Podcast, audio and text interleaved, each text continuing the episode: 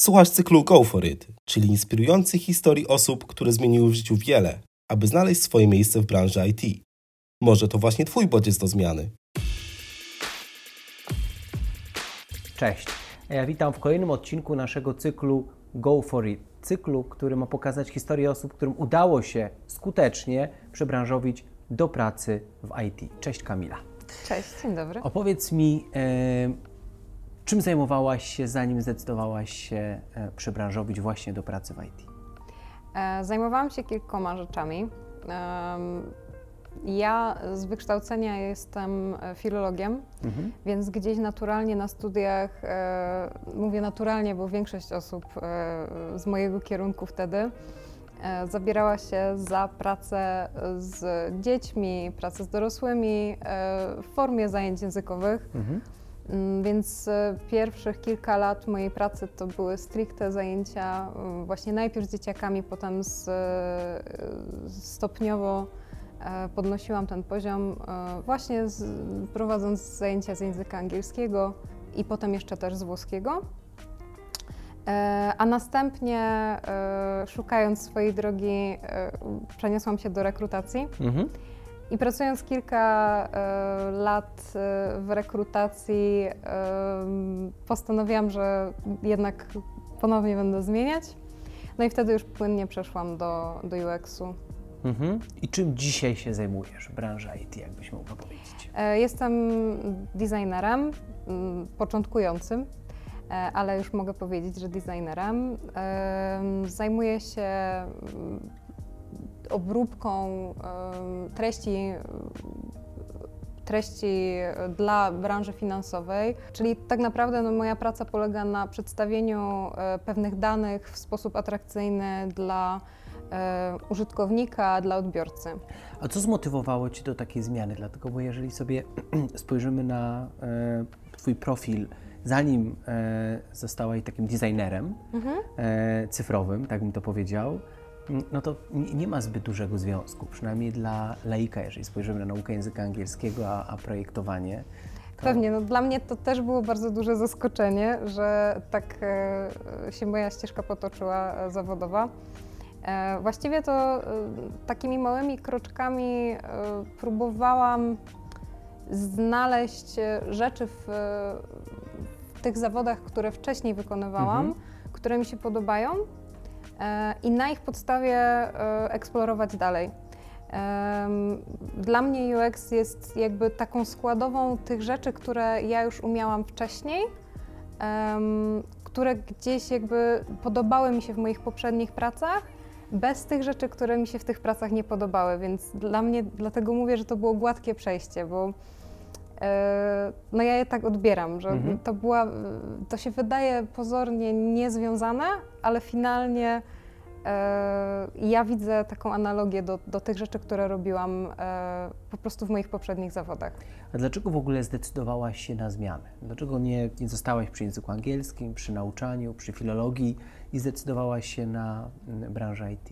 Pewnym momencie poczułam po prostu, że nie mam e, dalszej możliwości rozwoju w takim sensie, w jakim ja chciałabym go widzieć. Praca nauczyciela była bardzo e, ciekawa w momencie, w którym e, czułam, że mm, cały czas jest dla mnie jakiś nowy obszar do zgłębienia. Bardzo podobało mi się to, że praktycznie pierwsze 2-3 lata pracy jako nauczyciel to praca, gdzie przez 8 godzin mówi się w języku obcym. Takie aktywne używanie języka, kilka godzin dziennie e, było dla mnie no, najciekawszym mhm. tak naprawdę z tych doświadczeń uczelnianych.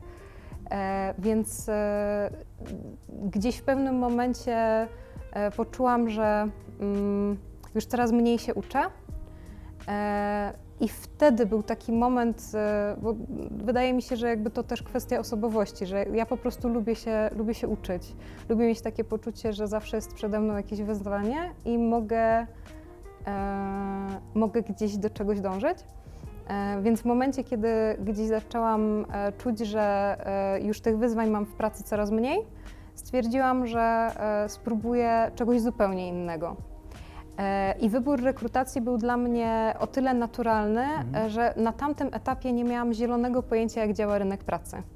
I stwierdziłam, że bazując na moich doświadczeniach jako nauczyciel, e, gdzie moja praca opierała się na tym, że musiałam rozmawiać z ludźmi i z nimi współpracować, to gdzieś stanowisko rekrutera jest taką świetną fuzją tego, co już robiłam i z czym czułam się komfortowo, bo to znałam, i tym, czego chciałam się dowiedzieć, czyli właśnie jak e, rynek pracy działa. Pracując e, jako researcher, e, wyszukiwałam różnego typu osoby na różnego typu stanowiskach związanych z IT. I między innymi właśnie to też było dla mnie takim, taką motywacją do tego, żeby nauczyć się tego, jak ten rynek wygląda, jakie są typy stanowisk, jakie są typy kompetencji, które są cenione na danych stanowiskach, jak wygląda ścieżka rozwoju.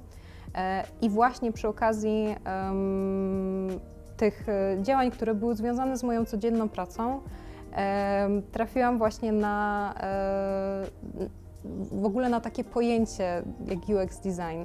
Więc tak trafiłam na samo zagadnienie. No i później rzeczywiście to była moja praca researcherska, już wtedy związana stricte z, e, z samymi treściami związanymi z UX designem. E, czyli już nie szukałam e, samych typów stanowisk i charakterystyk, a bardziej tego, w jaki sposób mogłabym zgłębiać, zgłębiać tą dziedzinę. Dowiedziałam się o tym, jak wygląda cały proces projektowy, mhm. jakie są jego składowe.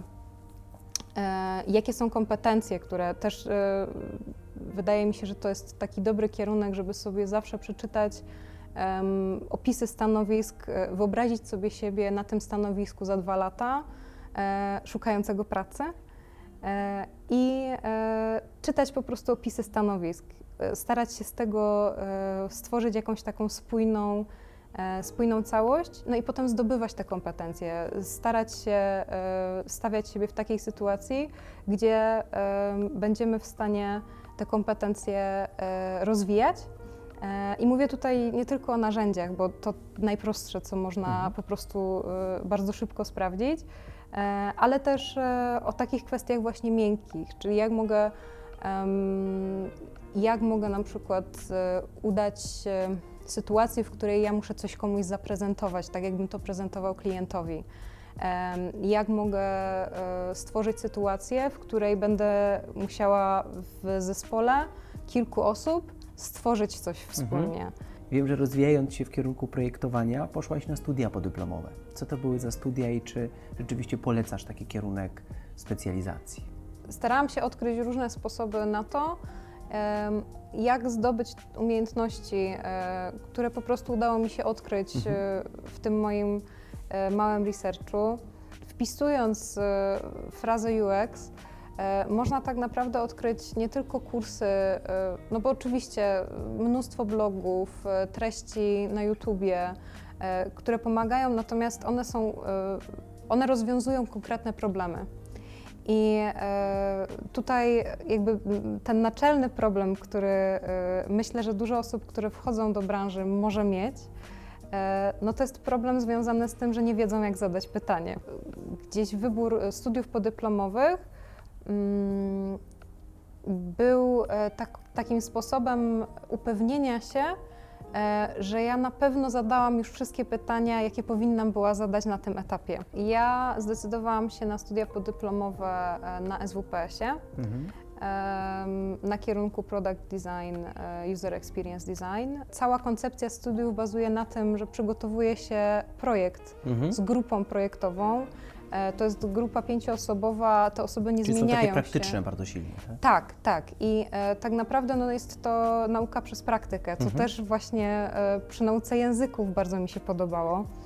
E, gdzie e, przechodząc przez e, roczne studia podyplomowe realizuje się etap po etapie tworzenie produktu cyfrowego.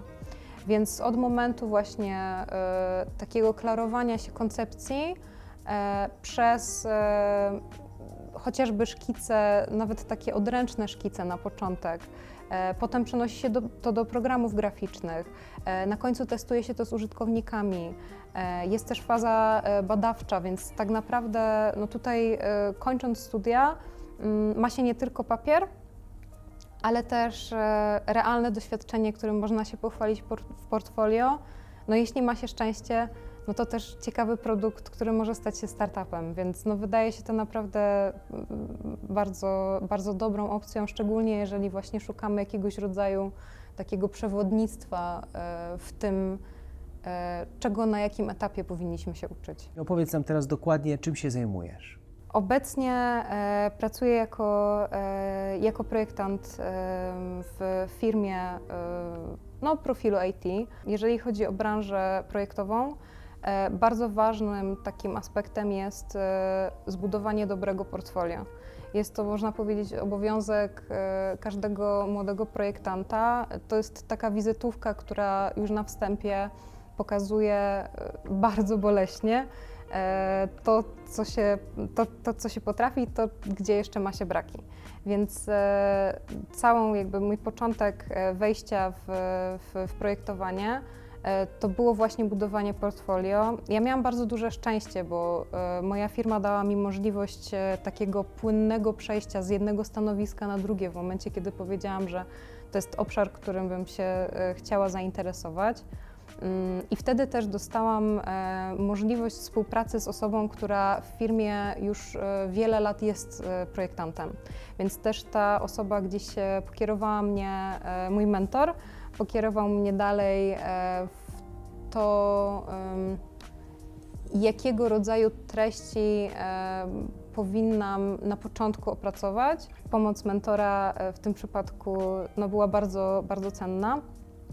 Mm, żeby też nie czuć się po prostu aż tak zagubionym. Co było najtrudniejsze w tym całym procesie, który przeszłaś? Byś Hmm. mogła dzisiaj wskazać.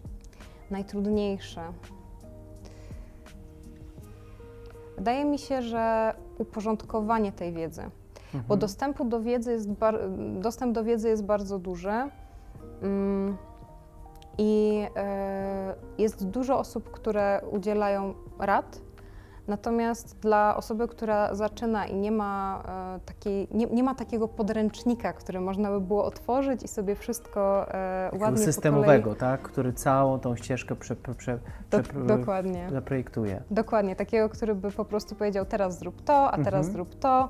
E, my Tak jak jest- mamy w nauki, naukach języków obcych, prawda? Tak, Gdzie tak. mamy najpierw gramatykę, podstawę, odmianę i przechodzimy dalej Są do bardziej... określone rzeczy na schematy, etapach, Tak. które trzeba, trzeba po prostu zgłębić. Na pewno dla takiej osoby, która, no, ja też to cały czas podkreślam, ja nie miałam wcześniejszego doświadczenia e, w, w IT, e, poza oczywiście rekrutacją, natomiast no, też do pewnego stopnia się zagłębiasz w stanowiska, to nie jest...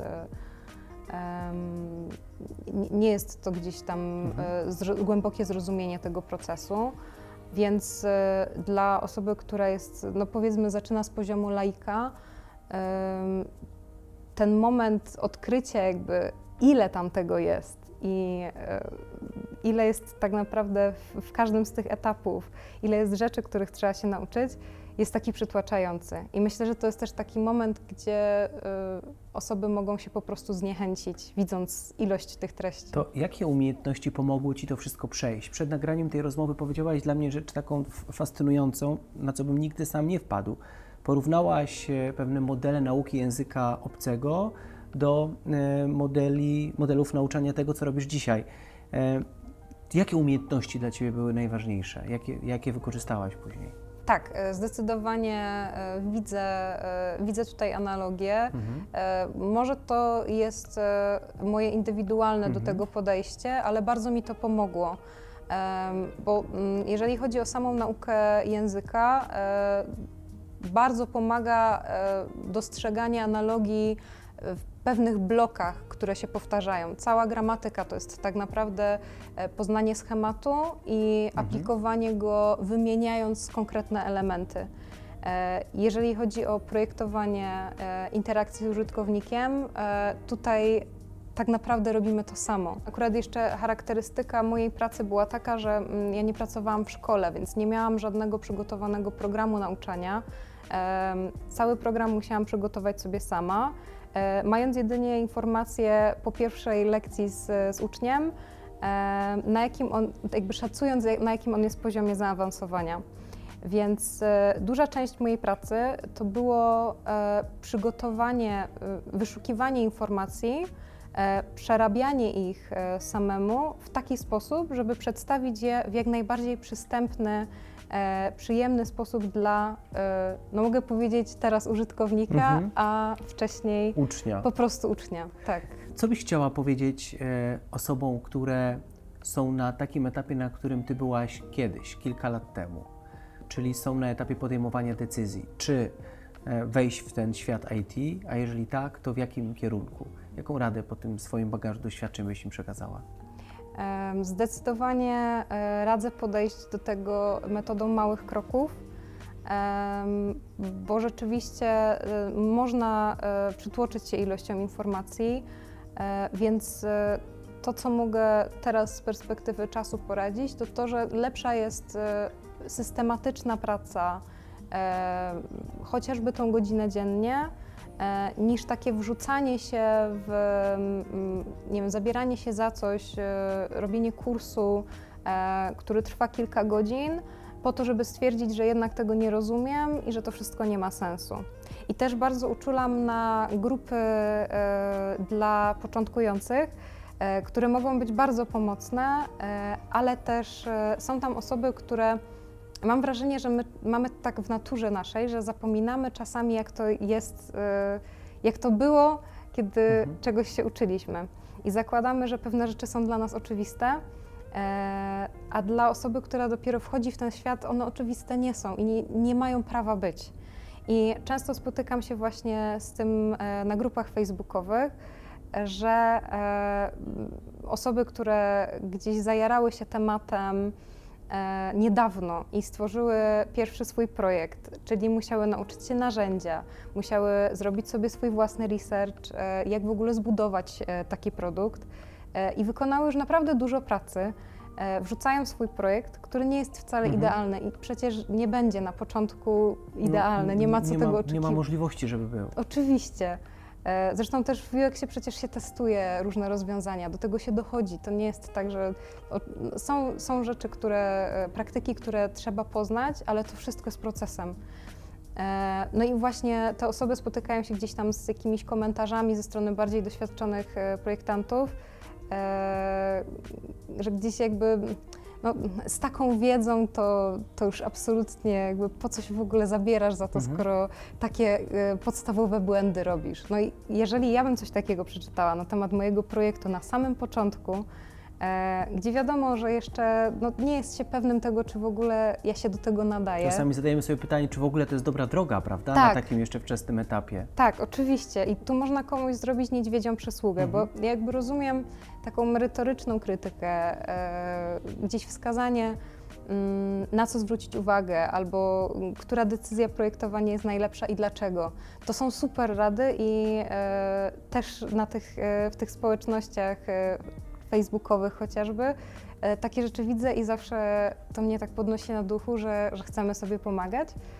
Mm, No ale trzeba być też e, gdzieś uczulonym na to i, i po prostu się nie zrażać, bo bardzo łatwo jest gdzieś kogoś skrytykować w taki sposób, żeby on się po prostu zniechęcił. A powiedz mi, e, kto według Ciebie, jaki profil osoby mógłby poradzić sobie w, w tych działaniach, które dzisiaj Ty podejmujesz? E, Oglądając taki materiał mógłbym zadać sobie pytanie, będąc na takim etapie życiowym, że podejmuję decyzję rzeczywiście o przebranżowieniu się. Czy, czy ja się nadaję? Więc kto według Ciebie się nadaje? E, No jest to, e, wydaje mi się, ciekawe pytanie, bo rzeczywiście UX słynie z tego, że jest taką nauką interdyscyplinarną. Mhm. Jeżeli na przykład jesteśmy bardziej zainteresowani psychologią, Mhm. e, naukami społecznymi, to dobrze znajdziemy się w UX researchu. Jeżeli e, ten obszar, który nas najbardziej interesuje, to sztuki wizualne, no to świetnie sprawdzimy się projektując po prostu czysty interfejs. A jeśli lubimy tak naprawdę wszystkiego mieć po trochu, e, no to po prostu możemy być UX designerem, który gdzieś będzie łączył e, wykorzystanie e, pewnych bloków informacji w taki sposób, żeby one były właśnie przystępne dla użytkownika. Czytelne, dostępne. Dokładnie, Mhm. dokładnie tak. Więc tutaj e, to wszystko idealne, e, idealna odpowiedź, e, którą bardzo często słyszę na studiach, jak się pyta e, UX designera, a to tak czy tak, to zależy. tak jak prawnik typowy też powie, to zależy. to zależy, to zależy, więc e, wydaje mi się, że tutaj e, jest to na tyle szeroka dziedzina, że e, bardzo dużo osób e, gdzieś takich na, na pograniczu właśnie e, preferujących nauki społeczne, Mhm. humanistyczne, ale też mających taką e, gdzieś e, predyspozycję do analitycznego myślenia, się w tym odnajdzie.